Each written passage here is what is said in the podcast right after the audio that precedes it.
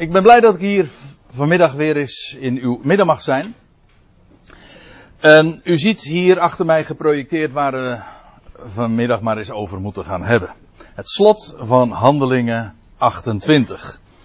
In mijn aanvankelijke aankondiging had ik het iets anders geformuleerd. Handelingen 28, vers 28. Maar ik heb me de vrijheid gepermitteerd om daar iets van af te wijken. Wil het wat breder trekken, niet alleen maar over dat specifieke vers te spreken, maar het, uh, het ook het verband, de omliggende versen uh, aan de orde te stellen. Met recht dus het slot van handelingen. Ja, en dat is hoofdstuk 28, dus het slot van handelingen 28. De laatste versen willen we eens nader bezien. Waarbij ik er ook uh, moet aantekenen dat als ik zeg, of als ik het zo formuleer, het slot van handelingen 28, dan bedoel ik dat ook dubbelzinnig. Het is namelijk niet alleen maar de afsluiting van het boek. En de afsluiting van het hoofdstuk. Het is ook in een ander opzicht, in zinnebeeldig opzicht, een slot. Dat wil zeggen, het is niet alleen maar de afsluiting van het boek. Het gaat ook over een afsluiting. Een hoofdstuk, zoals wij dat ook in het Nederlands plegen te zeggen, wordt afgesloten. Namelijk een hoofdstuk waarin Israël als natie, als volk, centraal stond. Dat wordt afgesloten en dus in dat opzicht is het ook een slot. Het slot van Handelingen 28. En ik wil eerst even de voorgeschiedenis met u doornemen. Dat wil zeggen, ik begin te lezen vanaf vers 16. Ik wil daar niet al te veel over zeggen, maar om het, om het gedeelte vanaf vers 23 goed te begrijpen. Want ik wil echt de bespreking aanvangen bij vers 23 tot aan het einde, dat wil zeggen vers 31. Het lijkt me wel verstandig om eerst even te beginnen te lezen met, uh, bij vers 16. Zodat we een klein beetje weten waar we het over hebben de situatie die daar uh, wordt beschreven door Lucas. En toen wij, en als daar staat wij, dan sluit de schrijver zich daarbij in. Dat wil zeggen Lucas. Lucas is hier uh, bij de apostel, bij Paulus, die inmiddels dus in Rome is aangekomen. Waar het hele boek al, nou ja, ik zeg het hele boek, dat is niet helemaal waar, maar in ieder geval vele hoofdstukken hiervoor al op gezinspeeld werd, aan gerefereerd werd. Paulus zou inderdaad naar Rome gaan. Hij had het zich beroepen op de keizer en naar de keizer zou hij ook gaan. En dus naar Rome, naar de hoofdstad van dat rijk. En toen wij te Rome aangekomen waren, kreeg Paulus verlof op zichzelf te wonen met de soldaten die hem bewaakten. Dat wil zeggen, Paulus was dus een gevangene, dat was hij al vele hoofdstukken lang trouwens. En hij had al twee jaar ook gevangen gezeten, let even op die termijn.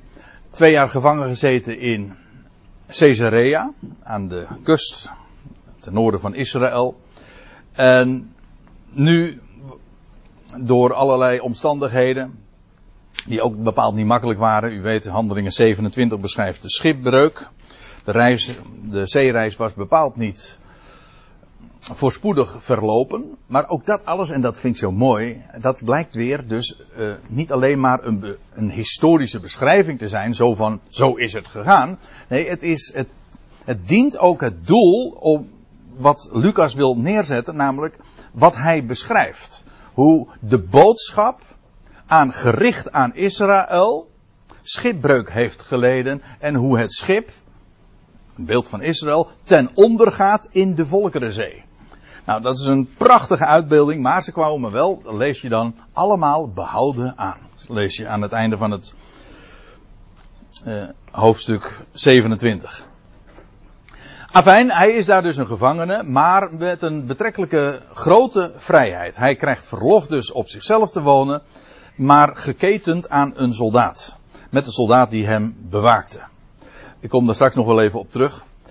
Maar dan lees je, en het geschiedde na drie dagen dat Paulus de voormannen van de Joden samenriep, daar in Rome dus. Daar was een hele grote Joodse gemeenschap, waar in die tijd trouwens nogal wat om te doen is geweest.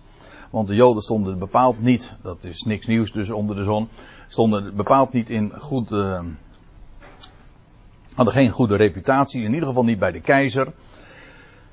Ook daarover wordt al eerder in de, het boek Handelingen gesproken. In elk geval, de voormannen van de Joden, die riep hij samen. en toen zij bijeengekomen waren, zei hij tot hen: Mannenbroeders, of schoon ik niets gedaan heb tegen ons volk, of de voorvaderlijke gewoonten, dat wil zeggen alle gebruiken die zij als volk ook kenden, ben ik uit Jeruzalem gevankelijk, dat wil zeggen gevangen, overgeleverd in de handen van de Romeinen. Dus het is door toedoen van zijn eigen volksgenoten dat hij nu gevangen is en is overgeleverd aan de Romeinen. Maar hij zegt, uh, hij vertelt trouwens niet erbij wat daarvan de reden is. Hij zegt alleen, uh, in ieder geval is de aanklacht niet dat ik iets heb gedaan tegen ons volk. Of iets gesproken heb tegen ons volk. Of zelfs ook maar tegen de gebruiken. Nou, uh, dan zegt hij, ik ben uit Jeruzalem gevankelijk overgeleverd in de handen van de Romeinen, die na onderzoek mij wilden vrijlaten. Dus als het aan de Romeinen had gelegen, was Paulus gewoon een vrij man. Dat hij een gevangene was, dat hij geketend was, dat was puur omdat zijn volk, het Joodse volk, dat zo heeft besloten en gedaan en in actie is gekomen. Nou ja, dat is allemaal voorgeschiedenis nog weer aan geschiedenis die voorafgaat aan handelingen 28. Lucas heeft het allemaal uitgebreid ook beschreven.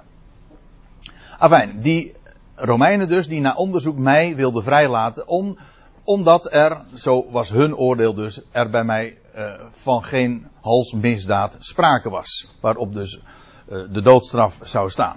Voor de Romeinen was het, het hele, de hele kwestie, die speelde niks anders dan een interne Joodse discussie. En daar wilden zij zich niet bij in, mee inlaten.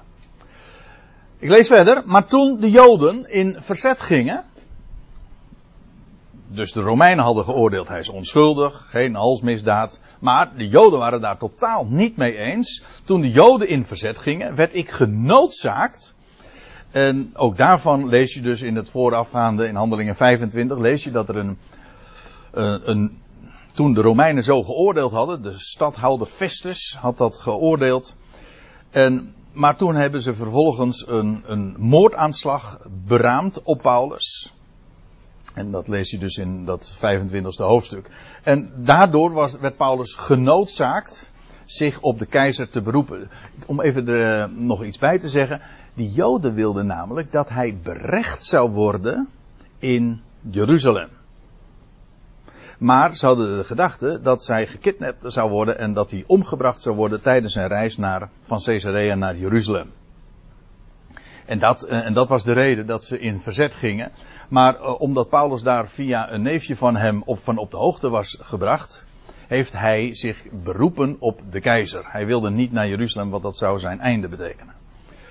Hij heeft zich toen op de keizer beroepen, daartoe was hij genoodzaakt. Hij zegt niet, dat zegt hij er heel uitdrukkelijk bij in dit Joodse gezelschap. Ik bedoel, hij praat hier allemaal tegenover, ja, Joodse voormannen. Mannen die van aanzien in de, in de synagoge en whatever. In elk geval, hij, hij benadrukt niet dat ik mijn volk van iets wilde beschuldigen. Dat was totaal niet aan de orde. Nou, en dan verhaalt hij verder. Daarom heb ik verzocht u te zien en toe te spreken. Hij is zojuist in, nou, kort tevoren in, in Rome gearriveerd. Dus ik heb u verzocht u toe, te zien, toe te spreken. Want, zegt hij, om de hoop van Israël. Wat is die hoop van Israël? Nou, in ieder geval de beloofde Messias. Dat was waar Israël naar uitzag. Immers, die was beloofd in hun eigen boeken, in eigen geschriften, in de Tenach. En bovendien ook de opstanding. En ik heb hier een aantal schriftplaatsen maar bijgezet, zonder er trouwens naartoe te gaan. Maar waarin ook duidelijk staat dat inderdaad daarom gaat. De hoop van Israël, dat wil zeggen de Messias, om de Messiasverwachting en bovendien om de opstanding. En als je die twee combineert, dan krijg je dus om de opgestane Messias Daarom draag ik deze keten. Ik zeg dit er trouwens nog even bij, omdat sommige mensen, en nou kom ik uh, erg dicht bij het onderwerp wat de aanvankelijke aanleiding was om voor deze middag en voor dit schriftgedeelte, namelijk dat men hieruit geconcludeerd heeft, zie je wel, Paulus die geloofde in zijn bediening gedurende de hele boek Handelingen nog dat Israël in zijn dagen tot bekering zou komen. Dat leidt men ook af uit zo'n formulering. Hij zegt, eh, hier is, is nog sprake van de hoop van Israël. Maar dat is veel te kort door de bocht. Want de hoop van Israël, zoals gezegd, is, is, er, is de Messias. De opstanding, of zo u wilt, de opgestane Messias. En bovendien, maar dat zal ik straks ook nog wel laten zien. Of daar zullen we het in ieder geval over hebben. Paulus wist dat Israël zich niet zou bekeren. Dat wist hij vanaf de aanvang. Dat is maar niet uh, iets wat hij pas uh, aan het einde van het boek uh, pas ziet. Nee, hij wist dat vanaf het moment dat hij naar de natieën toe ging. Paulus wist meer, veel meer dan de twaalf. De twaalf waren erop gericht dat Israël tot bekering zou komen. Maar Paulus werd juist geroepen als een dertiende apostel buiten het land. Hij wist, hij is ook door de Heer zelf onderwezen, rechtstreeks. En hij wist, Israël zal zich niet bekeren in deze dagen. En daarom is het heil ook naar de natie gegaan. Nou, ik, ik heb het al even aangestipt. Ik, maar ik lees verder. Want ik, u ziet, ik ben nog steeds bezig met de voorgeschiedenis. Daarom heb ik verzocht u te zien en u toe te spreken, want om de hoop van Israël, de verwachting van Israël, draag ik deze keten. En dat kan je alleen maar zeggen als je het ook inderdaad laat zien. Enkelvoud. Hij droeg een ketting, hij was geketend. Dus hij zegt in de Efezebrief dat hij een ambassadeur, een gezant is in ja, ketenen, staat er dan in de, de Efezebrief, in de meeste vertalingen, maar het staat eigenlijk in het enkelvoud. Hij had kennelijk gewoon één keten om. En eh, daar zat hij uh, meestal aan vast. Met die andere soldaat, met die soldaat dus. Het staat in het enkelvoud. Maar hij was dus geketend. Ik ga ervan uit. Hij was in ieder geval altijd bewaakt. En zo af en toe zal hij vastgeklonken zijn aan die soldaat. Uh, ik weet niet precies hoe dat gegaan is. Maar in elk geval, hij kreeg dus betrekkelijke vrijheid. Ik neem toch aan dat hij niet altijd uh, vast zat aan die soldaat. Maar in elk geval, hij droeg deze keten. En dan zegt hij, maar zij, dat zijn dus die Joodse voormannen die hij bij, bijeengeroepen had. Zij zeiden tot hem, wij voor ons hebben geen brieven over u uit Judea ontvangen. De figuur van Paulus was hen kennelijk onbekend de gedachten en de hele beweging, en die bepaalt niet. Dat zal ik straks ook nog laten zien. Maar de naam Paulus was hen in Rome onbekend. En dat uh, staat tegenover Jeruzalem, want in Jeruzalem was het een beruchte naam. Ik zeg het expres zo, geen beroemde naam, een beruchte naam. Uiterst berucht. Paulus had een hele slechte reputatie in Jeruzalem. Zo weten we uit Handelingen 21. Zij zeiden tot hem: Wij voor ons hebben geen brieven over u uit Judea ontvangen. En ook is niemand van de broeders iets kwaad van u komen boodschappen of spreken. Dus zij weten verder niet specifiek iets van hem. Maar zegt hij, zeggen zij, wij stellen het wel op prijs van u te vernemen welke uw denkbeelden zijn als u een statenvertaling hebt, dan staat er letterlijk wat, of staat er wat gij gevoelt. Hoe, hoe jij gezind bent. MBG heeft het wel heel vrij weergegeven door, de, door te vertalen welke uw denkbeelden zijn. Hoe je, hoe je gedachten zijn, waar je, waar je naar uitgaat, waar je, hoe je geneigd bent. Dat is een beetje het idee. Dat willen ze wel van hem vernemen. Want dat gaan ze motiveren. Want, zeggen ze, wat deze secte betreft, ons is bekend, ons, ons is bekend, dat ze overal tegenspraak vindt. Van hem specifiek wisten ze niks, maar van de secte die hij vertegenwoordigde, daarvan was hen uh, genoegelijk bekend, ons is bekend, dat zij overal tegenspraak vindt. En dat is, eigenlijk, dat is nog steeds zo, ja. Dat is niks anders. En het loutere feit dat er ook staat dat ze overal tegenspraak vindt, dat betekent dus dat ze wel op de hoogte zijn dat deze secte, dus ook wereldwijd en ook onder de natieën, overal staat er immers, uh, zich, uh, dat, dat die beweging dus overal al was verspreid, maar dat was juist via Paulus. Dus de naam kenden ze niet, maar feitelijk dat wat er gebeurde juist door zijn boodschap, uh, dat was hen bekend. En wat ze ook wisten, het roep, riep overal tegenspraak ook op. En met name natuurlijk binnen hun eigen volk. Trouwens, dat woord secte heeft bij ons een hele specifieke klank. Ja, een, neg een specifiek negatieve klank. En dan, wij denken dan meteen aan een groep, een gesloten groep met een, vaak een dictatoriale leider. En waar je wel in kan, maar niet uit. Zo, in die sfeer. Dat is niet de betekenis direct in de Bijbel van, van dat woord secte.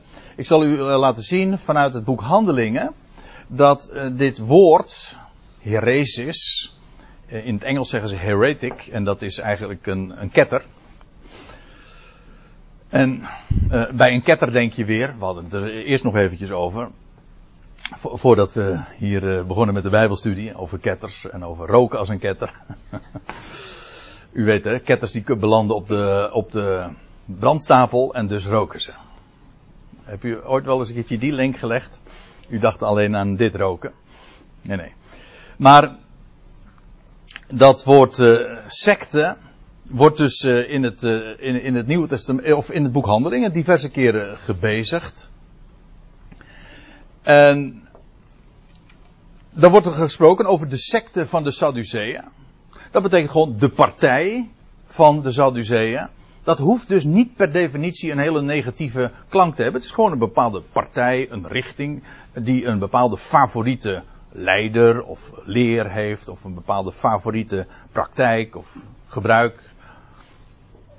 Uh, de secte van de Sadduceeën in hoofdstuk 15 vers 5 wordt er gesproken over de secte van de Fariseeën, waar Paulus trouwens zelf van was ooit, waar zijn roots lagen.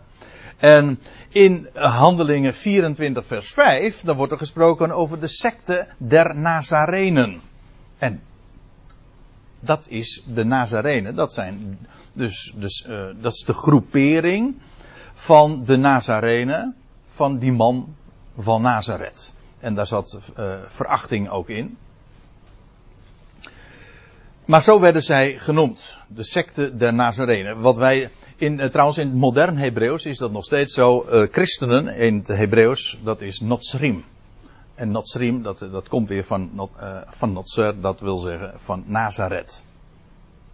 Dus zijn het nog steeds christenen in het modern Hebreeuws, in het is nog steeds Notsrim. Eh, Nazareners.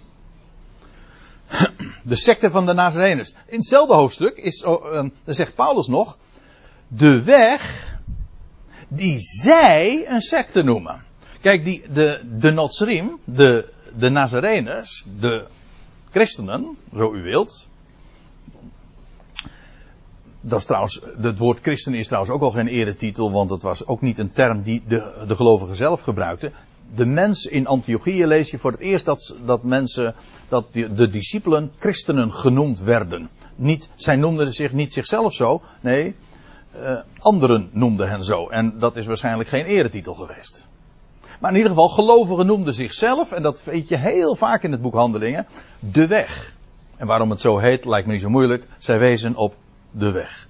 De enige weg. De weg, de waarheid, het leven. De weg.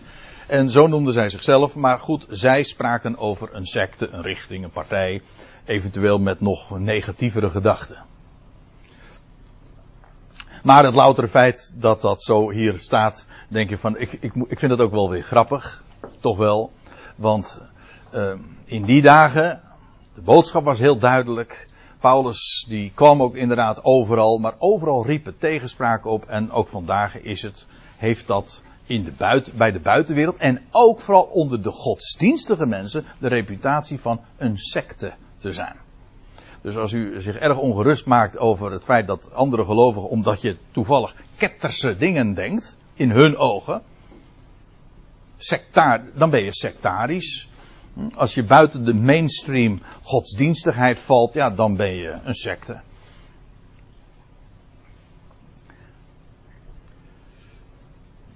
En uh, die overal tegenspraak krijgt. Geprotesteerd wordt. Protest, protest oproept, dan ben je dus een protestant. Eigenlijk. Nou ja, denk er maar eens over na. In elk geval, uh, na nou, en nu komen we eigenlijk bij de bespreking. Want dit was even de voorgeschiedenis die ik even wilde bespreken. Die ik uh, genoemd wilde hebben. Wat de aanleiding is daar van uh, het dispuut dat Paulus heeft. En zoals dat in het boek Handelingen afloopt en afgesloten wordt. Goed. Zij doen, die Joodse voormannen hebben dus een verhaal gedaan en dan lees je vers 23. En nadat zij een dag met hem hadden afgesproken. Er staat eigenlijk letterlijk zoiets als verordend. Ze hadden een dag ge, geprikt, zal ik maar zeggen. En toen kwamen verscheidenen tot hem. Eigenlijk staat er trouwens meerdere. En het idee in dit geval is de, het merendeel. Dat zou je niet direct denken bij verscheidenen, maar meerdere of het merendeel. Kwam tot hem. Want ze zijn kennelijk geïnteresseerd toch in, ja, in, wat, uh, in die secte die zoveel tegenspraak opriep. Wat is dat dan wel? En wat heeft die, dat mannetje dan wel te melden? Ik zeg het een beetje badinerend, maar ik stel me zo voor dat dat dezelfde toon ook heeft gehad in, in, in Rome, daar bij de Joodse voormannen. Afijn, het kwam het merendeel tot hem in zijn verblijf. Eigenlijk staat er in zijn gastverblijf. En dat was dus zijn, zijn eigen gehuurde woning. straks zullen we dat nog zien aan het, uh, een van de laatste versen wordt dat zo gezegd. Paulus verbleef in zijn eigen verblijf. Hij had een, trouwens dat zagen we zojuist ook al, toch? Ja, Paul, hij kreeg verlof op zichzelf te wonen. En hij heeft inderdaad een woning gehuurd. En daar heeft hij twee jaar, uh, daar is hij twee jaar uh, gebleven. Afijn, ze komen daar in zijn verblijf. Ze hebben een, en dan lees je dat als zij daar zijn, dat hij met nadruk, of betuigend staat er, het koninkrijk van God voorstelde. En dan moet u zich goed realiseren dat als we het hebben over het koninkrijk van God, dan is dat een, een begrip dat die Joden maar al te goed kenden. Gewoon omdat het een begrip is dat direct gekoppeld is aan, het, aan dat wat de profeten, de Hebreeuwse profeten, hadden voorzegd. Wat God bij monden van zijn profeten had gezegd, namelijk dat daar een koninkrijk zou komen. Inderdaad, een koninkrijk, een rijk van een koning. En men wist ook wie de koning was en uit welk geslacht hij zou komen. Uit het geslacht, uit het zaad van David. En hij zou de troon van David, die vakant was al zoveel eeuwen in die dagen al, die troon zou weer hersteld worden. De vervallen hut van David, dat koningshuis, die monarchie, of die dynastie was vervallen, er was niks van overgebleven, die zou hersteld, gereconstrueerd worden. En de koning zou komen, de Messias, de Mashiach, en hij zou zijn koninkrijk vestigen. Dat wil zeggen, het koninkrijk van God, maar dat is het koninkrijk in Israël en van Israël. En het zou vervolgens zich uitbreiden. Wereldwijd. Het zou een wereldrijk worden. Zoals ooit dat gekend hadden in de dagen van Salomo. De zoon van David. Ik zeg het expres zo even dubbelzinnig. Hij, met nadruk stelde hij het koninkrijk gods voor. Ik, ik benadruk nu dus ook even, eh, zoals Paulus trouwens het ook met nadruk heeft eh, gezegd, van dit is, zijn dingen die jullie kennen. Eh, vanuit de wet en de, eh, vanuit de wet van Mozes en de profeten. Want hij, wat hij deed is de schriften openen. En hij heeft het koninkrijk van God voorgesteld, dat ze kenden, en dan staat er, pogende hen te overtuigen. Dat pogen staat er helemaal niet. Overredende. Letterlijk over of overtuigende. En dat betekent, hij, het ging er niet zozeer om dat Paulus iets probeerde te, uh, te overtuigen, hen probeerde te overtuigen. Hij kwam gewoon met overtuigend bewijs. Dat niet iedereen zich uh, dat slikte en dat niet iedereen dat wenste te zien, dat is wat anders. Maar Paulus overtuigde hen. Hij was hen overtuigende. Dat wil zeggen, hij, hij bracht dingen waar ze niets tegen in konden brengen. Behalve dan misschien, als je er niet aan wil, ja, dan, ga je, dan, ga, dan kun je wel tegen spreken en dan kun je je afsluiten. Maar dat neemt niet weg. Paulus heeft hen het, het overtuigende bewijs geleverd. Ten opzichte van Jezus. Staat er, letterlijk staat er omtrent de Jezus. Dat bepaalde lidwoord in dit geval is veelzeggend, want we hebben het niet zomaar over iemand, maar over de Jezus. Namelijk waarover zoveel strijd was. Namelijk degene, de Messias. Degene die hij claimde de Messias te zijn en wat die sect, die, de weg die zij een secte noemden, zij zeiden van hij is de beloofde Messias. En hij en Paulus, moet zich realiseren, die zelf natuurlijk doorkneed was in de Joodse geschriften, in de overlevering. En ooit de meest fanatieke Jood en uh, Judaïst was. Die ook niets van die, die secte moest hebben. Nu was hij degene die daar in Rome dit allemaal vertelt. Omtrent de Jezus. En hij heeft hen overtuigd. Dat zeggen, nee, hij was bezig hen te overtuigen. Zo, sta, zo moet ik het eigenlijk zeggen, want dat is wat er staat. Hè? Overtuigende. Dat wil zeggen, hij was bezig hen te overtuigen. Ten omtrent de Jezus, of aangaande de Jezus. Vanuit. Uh, of uit de wet van Mozes en de profeten. Nou, dat is een standaard uitdrukking die we heel vaak in het Nieuwe Testament tegenkomen. En dat is gewoon wat de Joden de Tenach noemen. En wat wij dan meestal noemen het Oude Testament. Wat Paulus dus gedaan heeft, is de schriften openen. Dat wil zeggen de schriften uit ja, hun eigen geschriften. De wat was het voorrecht van de Jood ook alweer? Dat lees je in Romeinen 3, dan zegt Paulus van nou vele, maar uh, in de eerste plaats toch dit, dat hunner de woorden Gods zijn toebetrouwd. Wel, die woorden die vinden we zwart op wit. De Tenach. En vanuit de Tenach levert Paulus aan hen daar in Rome, in dat Joodse gezelschap, het bewijs. En hij bewees vanuit de schriften, en dat is iedere keer de procedure die je weer vindt in het boek Handelingen, Vanuit de schriften bewees hij dat Jezus inderdaad is wie hij claimde te zijn, namelijk de Messias, de Christus. En dus ook de koning. De zoon van David. En degene die inderdaad leiding zal geven aan dat koninkrijk van God. En dat heeft hij daar dus gedaan. En dan staat erbij van de vroege morgen tot de avond aan toe, tot de avondschemering. Dat zal een prachtdag geweest zijn. En ik probeer me dat een beetje voor te stellen hoe dat gegaan is. Nou, als je wel eens in de synagoge geweest bent, dan weet je dat dat allemaal heel veel door elkaar gepraat en gelopen wordt enzovoorts. Maar uh, de heftigheid waarmee dat ook gepaard zal gaan, ja, ik kan me er gewoon wel iets bij voorstellen. Zoals Joden ook dan plegen te discussiëren. Maar Paulus, ja, die bracht nogal wat, zeg. En vanaf de vroege morgen tot de avond toe heeft hij de schriften geopend. En hen overtuigd. Heeft hij dus geargumenteerd. Hij heeft maar, het was maar geen theekransje. Nee, hij, hij had wat te melden. Hij wilde, hij wilde hen een bewijs leveren. Zij moesten iets weten. En hij wilde gewoon ook de dingen onder bewijs stellen. En dat is wat hij gedaan heeft. Vanaf de vroege morgen tot s avonds. En dan lees je, sommigen gaven wel gehoor aan hetgeen gezegd werd, maar anderen bleven ongelovig. Anderen geloofden niet. Nou staat bleven ongelovig. Kijk, als je, niets als je nooit iets gehoord hebt, dan kun je niet ongelovig zijn ook.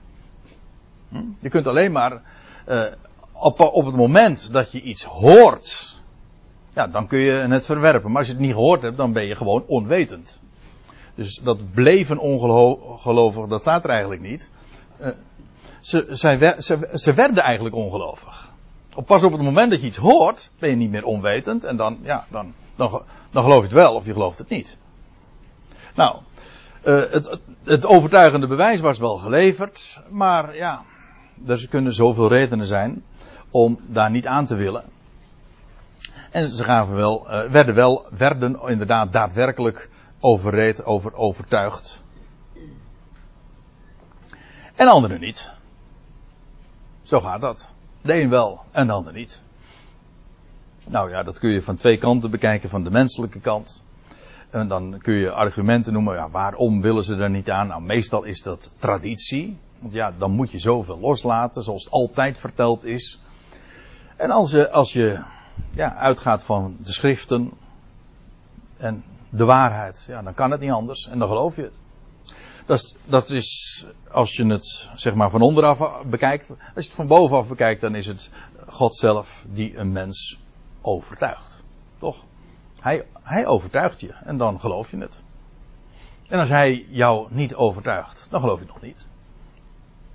Ik ben er erg blij mee met het feit dat hij mij overtuigt en dat geloven ook in die zin geen keuze is. Ja, als het een keuze is, is zijn keuze. Hij overtuigt jou. Ik bedoel, je kan toch niet kiezen om iets te geloven. Ik, ik, kan er niet voor, ik, ik kan er niet voor kiezen om te geloven dat Sinterklaas bestaat. Nee, ik geloof het ook. Ik moet uitkijken. Uh, maar. ja. Ja, daar moet je mee naar heren. Nee, hij is helemaal te hoogte. Dat dacht ik al, ja. Maar u begrijpt wat ik bedoel. Dat is geen kwestie van kiezen. Je gelooft iets wel of je gelooft het niet. Afijn, uh, sommigen gaven gehoor, anderen uh, aan hetgeen gezegd werd. Dat wil zeggen door Paulus allemaal naar voren was gebracht, anderen bleven, werden ongelovig. En zonder het eens geworden te zijn, gingen zij uiteen. Letterlijk staat het nou, werden zij weggezonden. Liet Paulus ze weer gaan. Dus het gezelschap van die Joodse voormannen daar in Rome was uh, ja, in, aan het eind van het liedje, nou aan het eind van de avond moet ik eigenlijk zeggen, op het eind van de dag, uh, was het uh, ja, oneens. Discussie. Maar Paulus had nog wel iets, een slotwoord. Hè? Het slot van handelingen 28. Nou, Paulus heeft een slotwoord. en zonder het eens geworden te zijn, gingen zij uiteen, nadat Paulus dit ene ik zeg dan maar even bij, slotwoord gesproken had. Want ja, ze gingen vervolgens weg en dus is het met recht een slotwoord. Nadat Paulus dit ene woord gesproken had. En dan zegt hij, terecht, het was heel treffend, is eigenlijk het idee, terecht, treffend, heeft ooit de Heilige Geest zelf gesproken door de profeet Jezaja. En nou gaat hij weer een profeet aanhalen. Hij had de hele dag al gesproken vanuit de, de wet van Mozes, de Torah en de profeten. En nu haalt hij weer een citaat aan. Ik vraag me trouwens af hoe dat gegaan is die, in die dagen. Gewoon zo'n dag ook. Hadden ze, waren, lagen de schriften daar allemaal op tafel? Of konden ze dat allemaal zomaar uh, zo memoriseren? En men kende hele passages uit hun hoofd het hoofd, daar moet je niet gering over denken. Dat is nog steeds trouwens zo. Ik wil nog niet zeggen dat je iets ervan begrijpt. Maar dat zijn, zijn twee hele verschillende dingen. Je kunt een hele passage zo uit je hoofd oplepelen en, en weten wat er, wat er staat. Zonder een benul te hebben van wat er staat. Afijn, hoe dat gegaan is, dat weet ik niet, staat er niet bij. In elk geval, Paulus heeft vanuit de schriften dat dus eh, betoogd. En nou sluit hij af met een woord waarvan hij zegt, dat is treffend ooit door Jezaja al geprofeteerd, voorzegd. En, en, en tot uw vaderen is dat gesproken. De vader, jullie eigen vaderen. Trouwens, hij was daar zelf ook bij. En nou komt er een citaat uit het boek Jezaja, uiteraard, Jezaja 6. Jezaja 6, vers 9 en 10, u kunt dat aanhalen. Ik wil dat nu even er, ik, de context van dat schriftgedeelte wil ik er nu even bij, eh, buiten laten.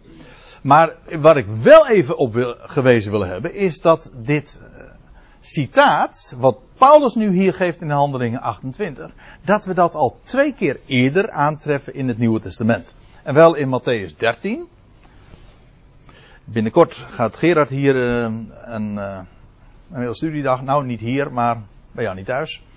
uh, een studiedag daarover hadden, over Matthäus 13, de gelijkenissen van het koninkrijk. En dan is het de Heer Jezus zelf. Dat, dat ja, dat heeft allemaal hiermee te maken.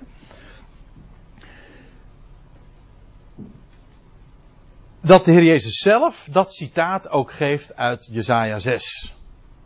En uh, vervolgens lezen we het ook nog een keertje dat uh, in Johannes 12 uh, dat diezelfde woorden worden aangehaald.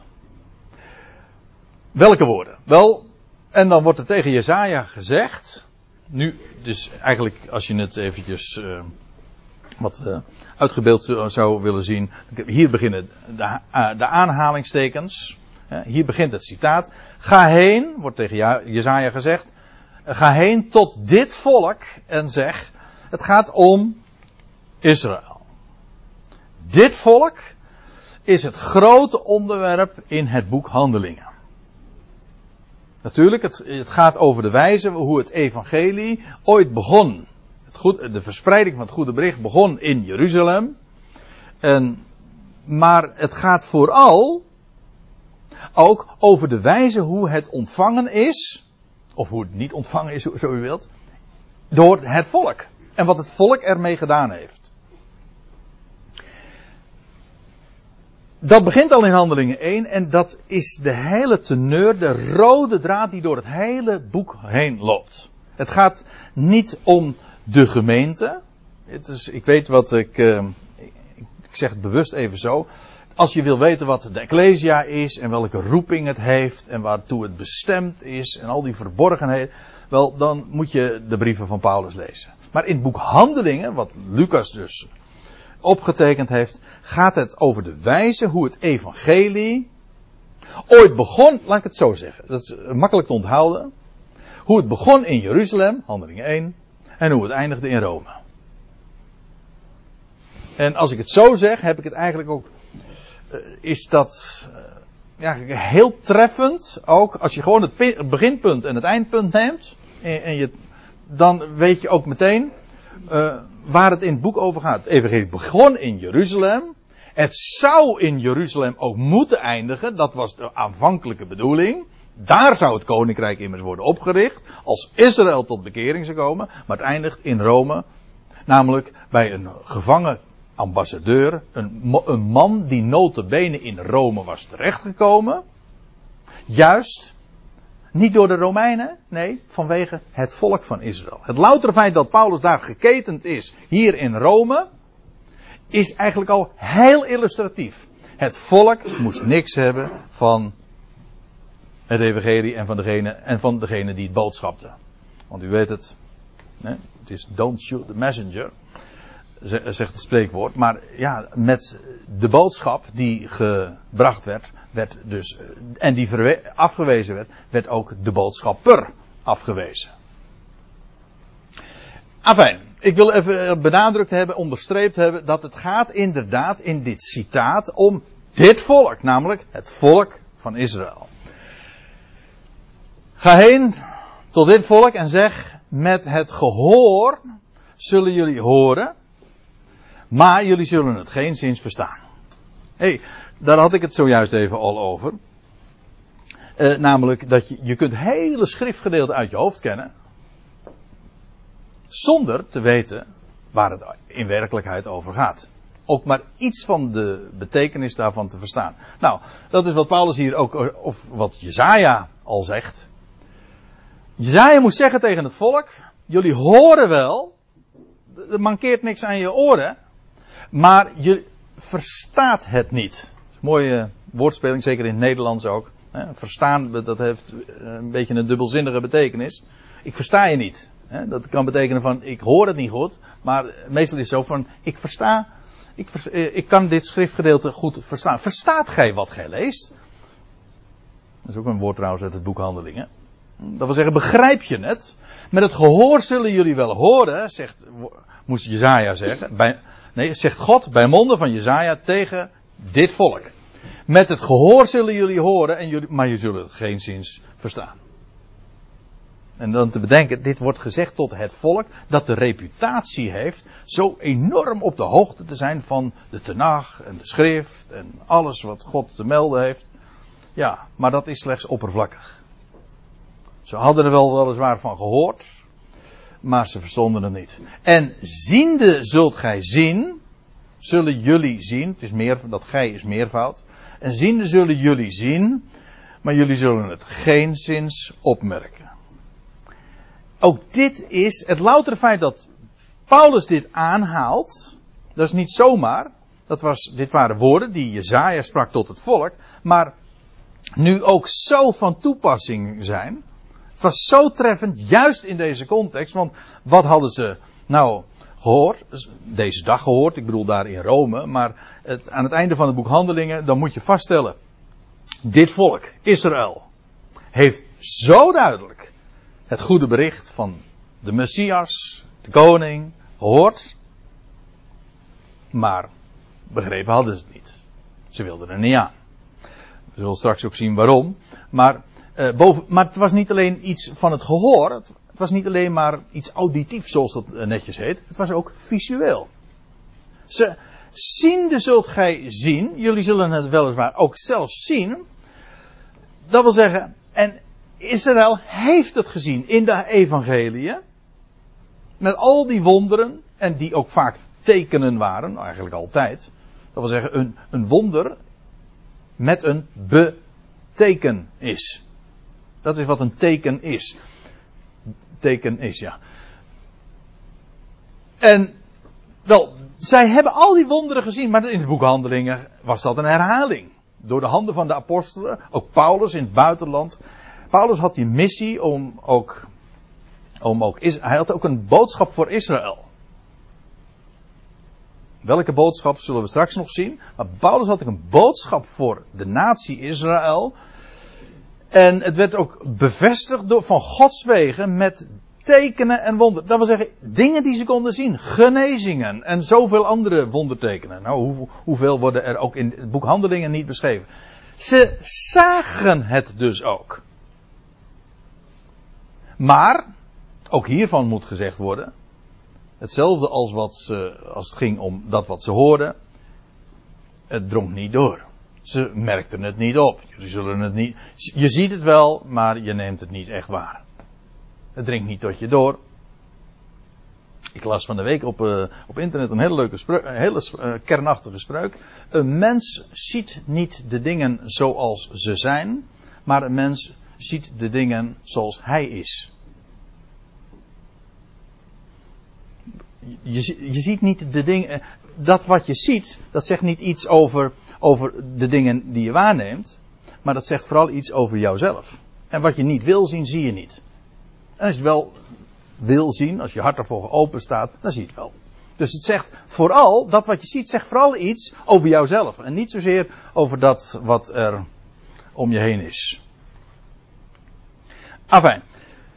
Ze zien het wel, met hun ogen, ze hebben het met hun eigen ogen allemaal kunnen zien. Overtuigend, overvloedig. In die dagen van de Evangelie in het boek Handelingen heeft er een stortvloed van wonderen en tekenen plaatsgevonden. Dat wordt trouwens hier ook afgesloten, maar daar kom ik straks ook nog even op terug. Uh, hoe komt dat nou? Nou, dat lees je in vers 27. Dan wordt ingeleid met want. Dat wil dus zeggen, hier wordt aangegeven waarom dat zo is. Het hart van dit volk, het gaat nog steeds over Israël, het of meer specifiek, of zo u wilt, het Joodse volk. Het hart van dit volk is vet geworden, log gemaakt, dik. Eh, dat, eigenlijk het woord heeft te maken met dik geworden. En feitelijk is het een, dat vet, maar dat is wat vet ook is, is een bedekking. En dat vind ik eigenlijk wel een mooi eh, beeld ook in verband met dit volk. Want er, lag een, er was gewoon een, het hart van dit volk is vet. Er is gewoon een vetlaag om dit volk. Om dit hart. Om het hart van dit volk.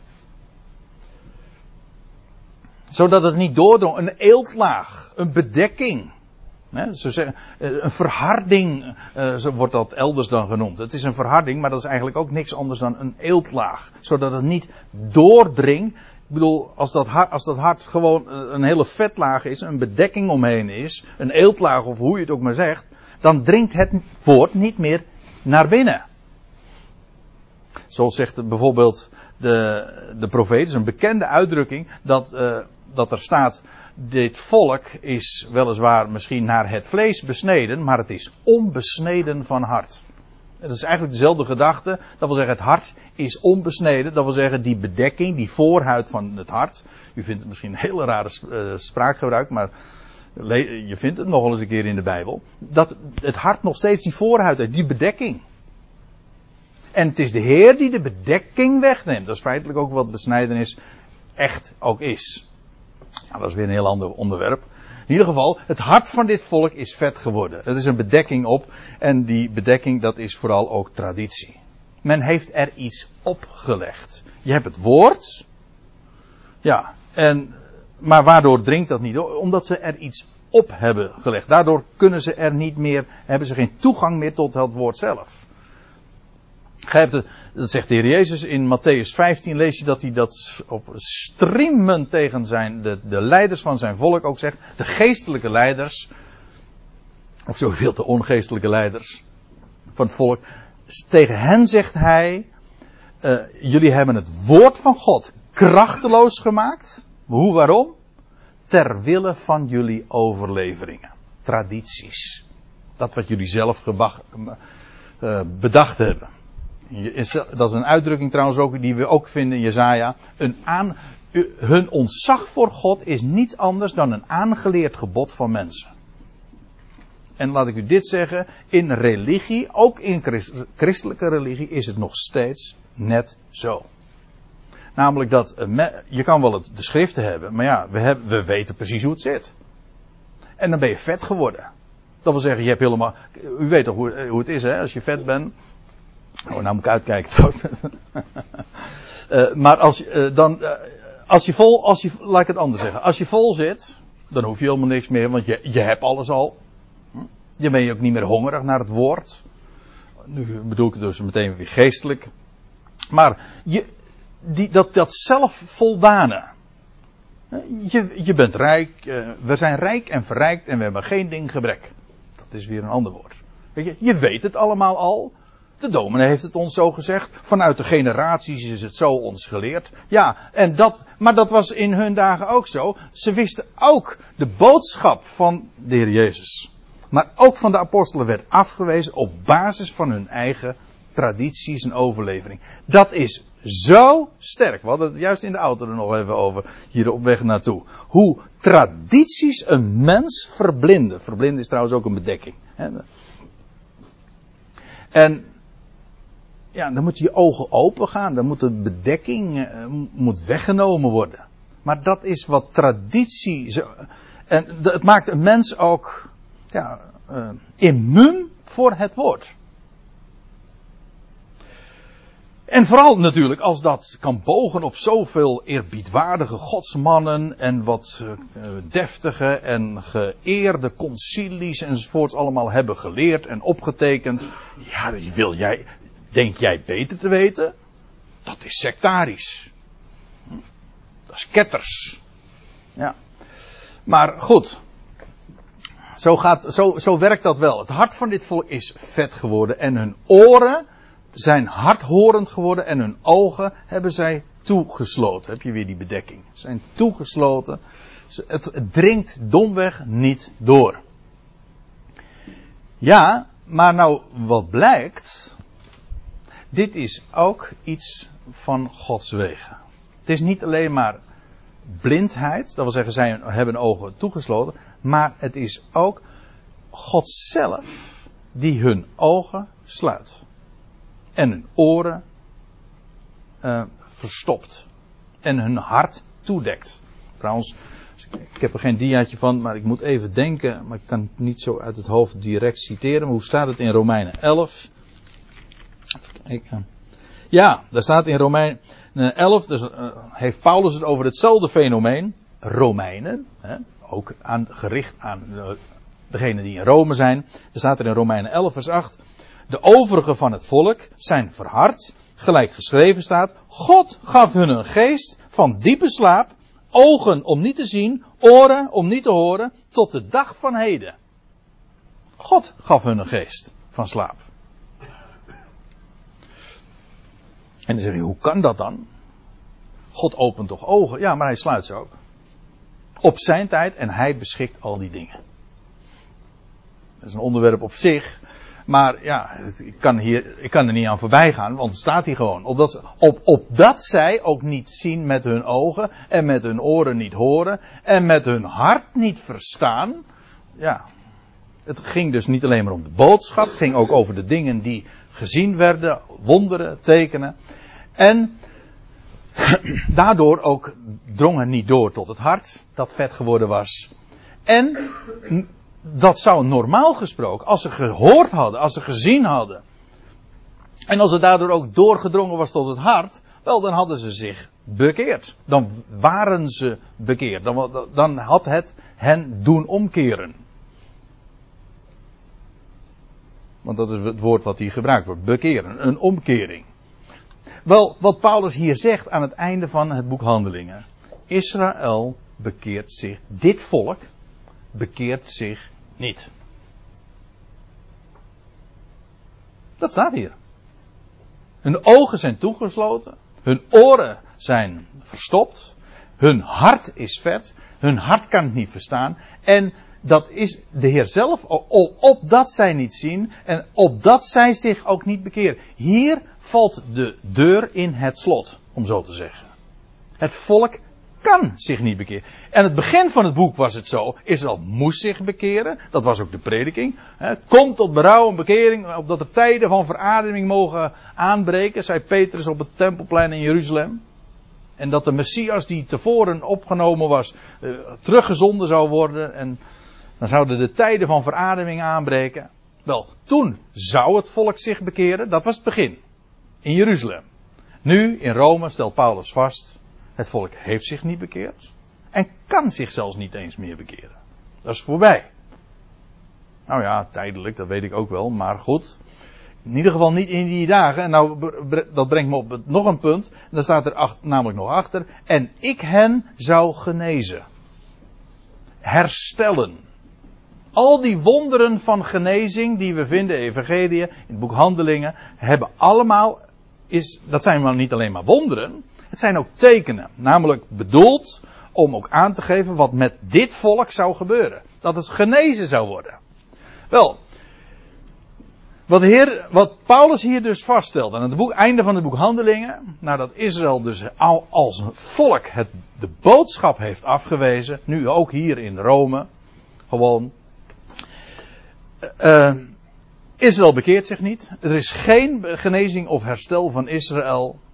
En ook hier wil ik weer even laten zien wat het contrast is met het begin van het, hoofd, van het boek. Want in het begin van het boek was nog de spannende vraag.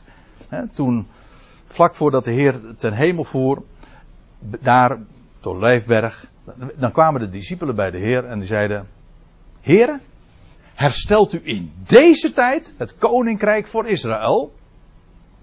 En dan geeft de Heer een ontwijkend antwoord. Het is niet uw zaak de, de, de tijden en gelegenheden te weten die de Vader aan zich, aan zich de beschikking gehouden heeft. Maar jullie, jullie zullen mijn getuigen zijn. Dat is een aankondiging, dat is een belofte. En nu, en het, dat was het begin.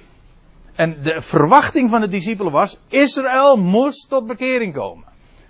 Ten einde dat het koninkrijk in Jeruzalem ook zou aanbreken. En vanuit is Jeruzalem ook wereldwijd gevestigd zou worden. En nu eindigt het in Rome. En de conclusie is na 28 hoofdstukken: Israël bekeert zich niet. Israël zal niet hersteld worden. Herstelt u in deze tijd het koninkrijk voor Israël? Nee. Dat is het antwoord. Wat in de handelingen 1 nog onduidelijk was.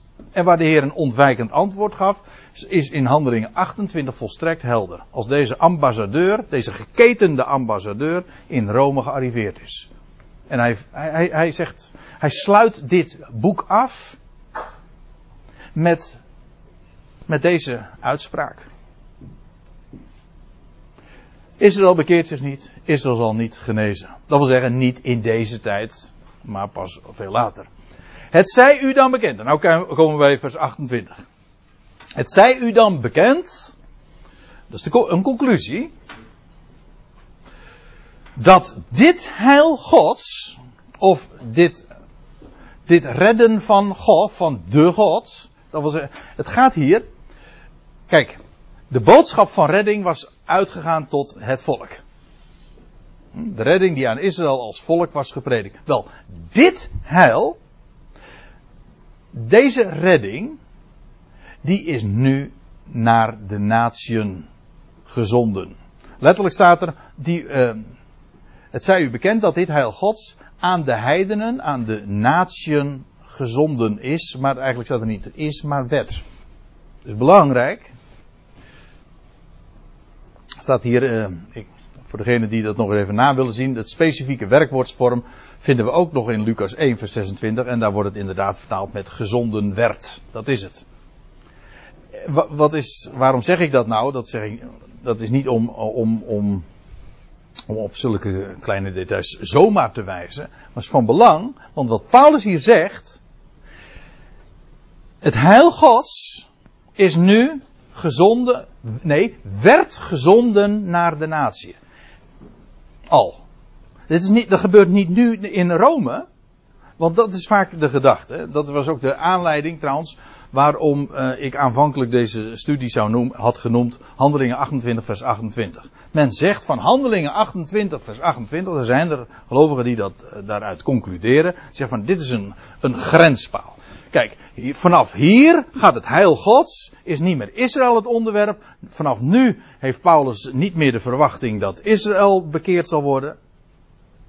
Maar nu gaat het naar de natie. Nou, dat staat er niet. Paulus zegt, het is jullie bekend dat dit heil Gods aan de, aan de natie gezonden werd. Dit moesten ze weten. Dit was namelijk het grote onderwerp wat Paulus iedere keer in, uh, al naar voren had gebracht. Kijk, dat heil Gods, dat nu aan de heidenen, aan de natieën was afgevaardigd. Dat is niet begonnen bij, uh, trouwens, in de dagen van Cornelius. U weet het, toen Petrus de deur opende voor de natie. Toen ging er inderdaad een deur open voor de natie. Toen werden er vreemdelingen toegevoegd. Maar, toen, maar, dat, maar hier is iets heel anders aan de hand. Kijk, voor Petrus was het nog zo dat hij naar Cornelius ging. Dat gaf al heel wat voeten in de aarde.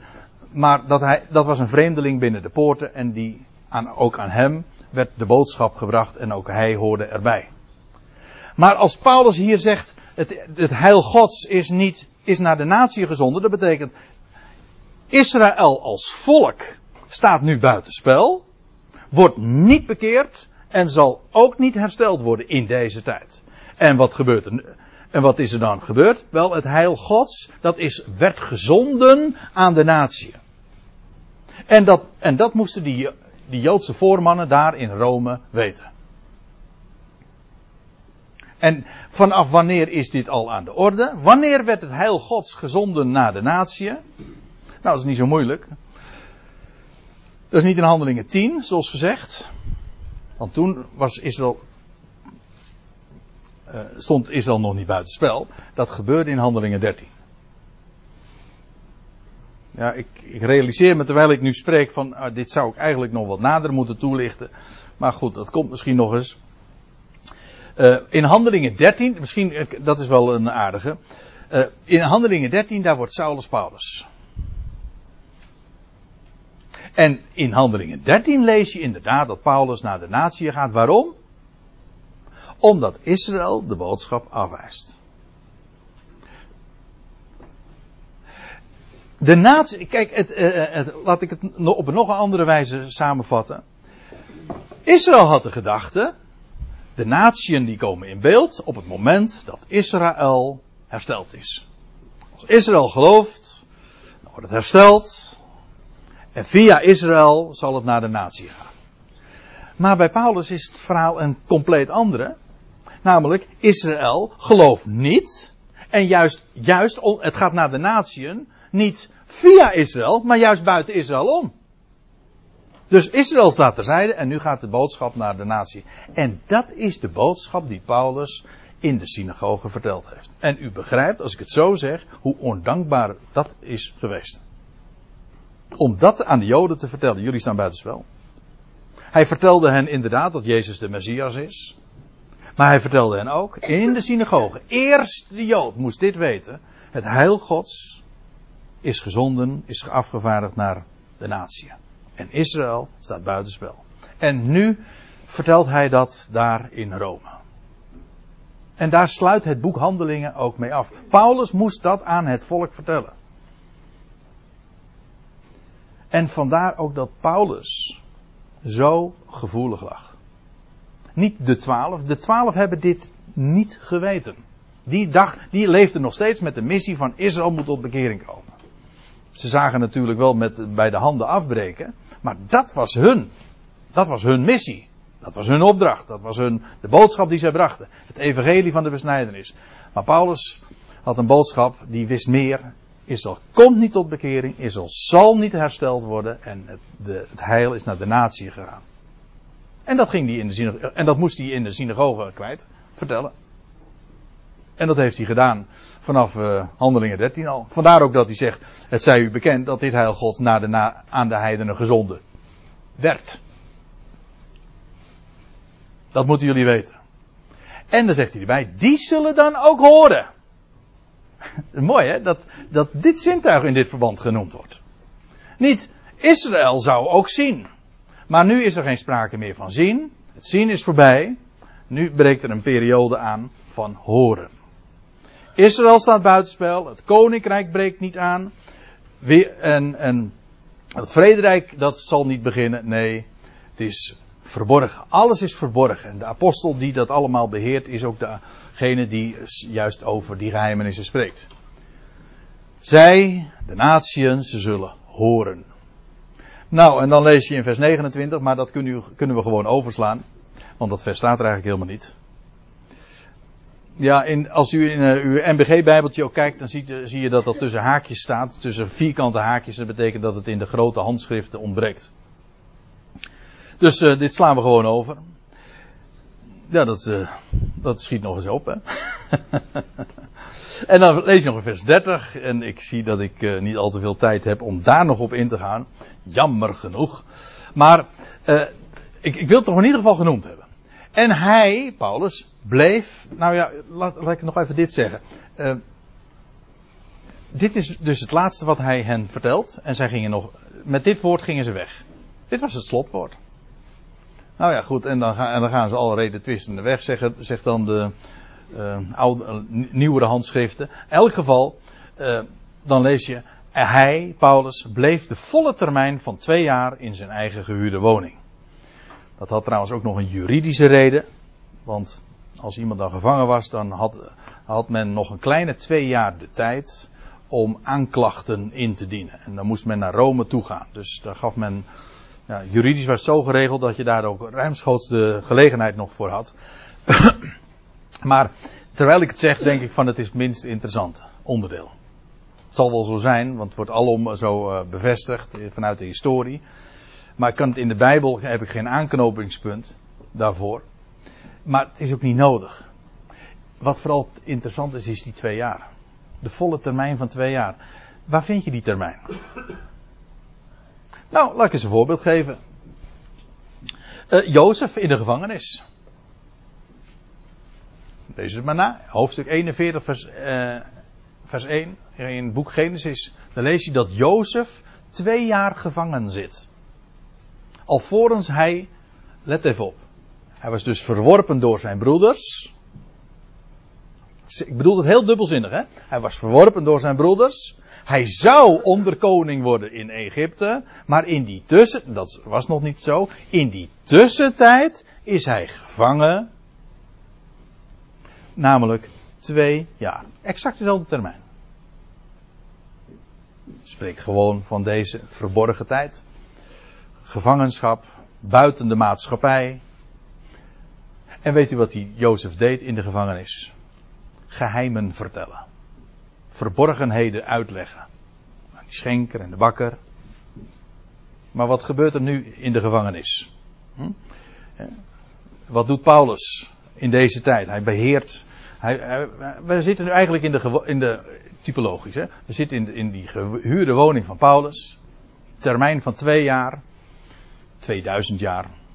Twee millennia. En we luisteren naar Paulus. Wat hij te melden heeft van Gods wegen. Hij legt dromen uit, verborgenheden. Nou ja. Nog iets. In Handelingen 19, vers 10, daar lees je ook over twee jaar. Dat Paulus twee jaar in de school van Tyrannus, dat is in Efeze, lesgeeft.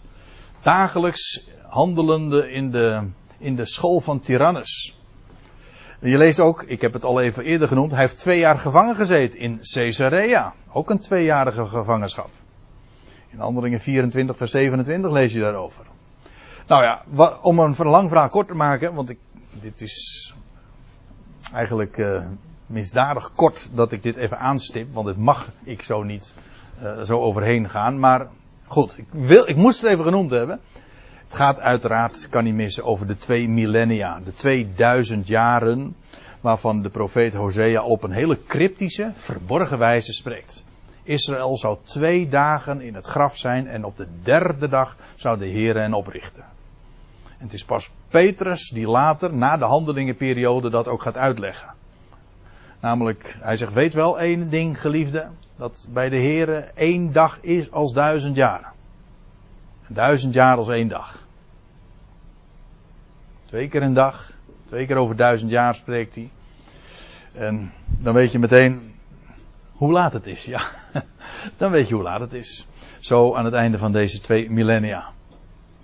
Eh, van Paulus lees je dan nog. Hij verbleef twee jaar in zijn eigen gehuurde woning en hij ontving, letterlijk staat er, hij verwelkomde allen die tot hem kwamen. Letterlijk staat er, die bij hem binnengingen.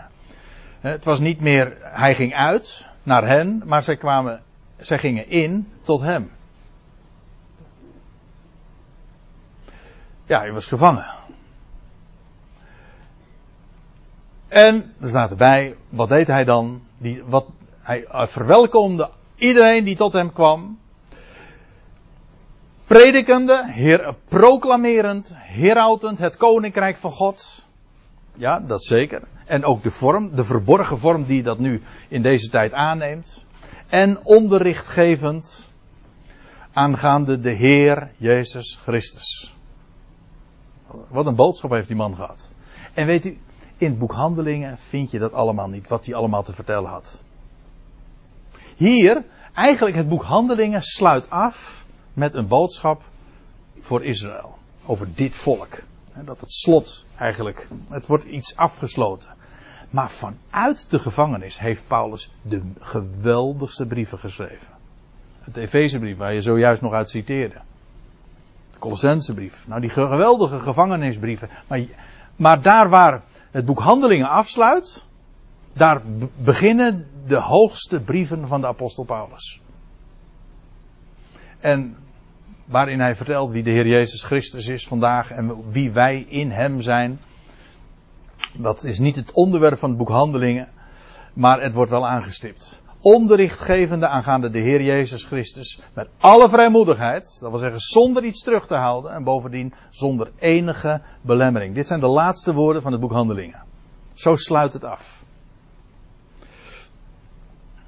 En feitelijk gaat het daarbij vooral, en dat is wat daarmee gezegd is, het gaat over hoe het evangelie van Jeruzalem terechtkwam in Rome.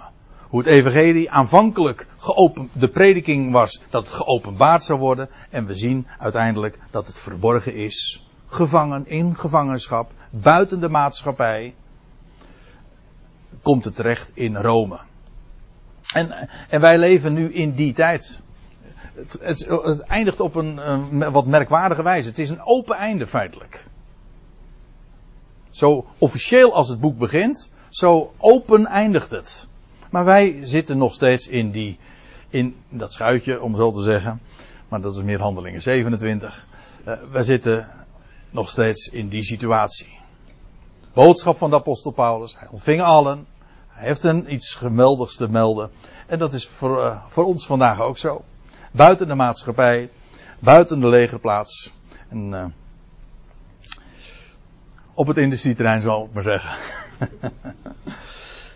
uh, brengen we deze dingen en ieder die het waar horen wil, die vertellen we het. Deze geweldige rijkdom. Maar wat is het ook van belang om te begrijpen hoe dat gegaan is met het volk Israël. En bij een andere gelegenheid, en wellicht dat, uh, dat Gerard een volgende keer, ik weet niet, we hebben dat nooit uh, besproken of afgesproken, daar nog eens wat over wil uh, door gaan spreken. Want ik geef toe dat ik vanmiddag in die zin in gebreken ben gebleven. Ik, het is, ik had graag nog wat meer verteld over die tweedeling in de brieven van Paulus, die sommigen menen moeten aan, te moeten aanbrengen. Ben er niet toegekomen. Ik wilde gewoon even het raamwerk neerzetten. Waar gaat handelingen 28 over? En dan kunnen we bij andere gelegenheden, Gerard of ik, nog eens uh, daarover doorspreken. Zal ik het hier dan bij laten? Want ik zie inmiddels dat het tien voor zes is.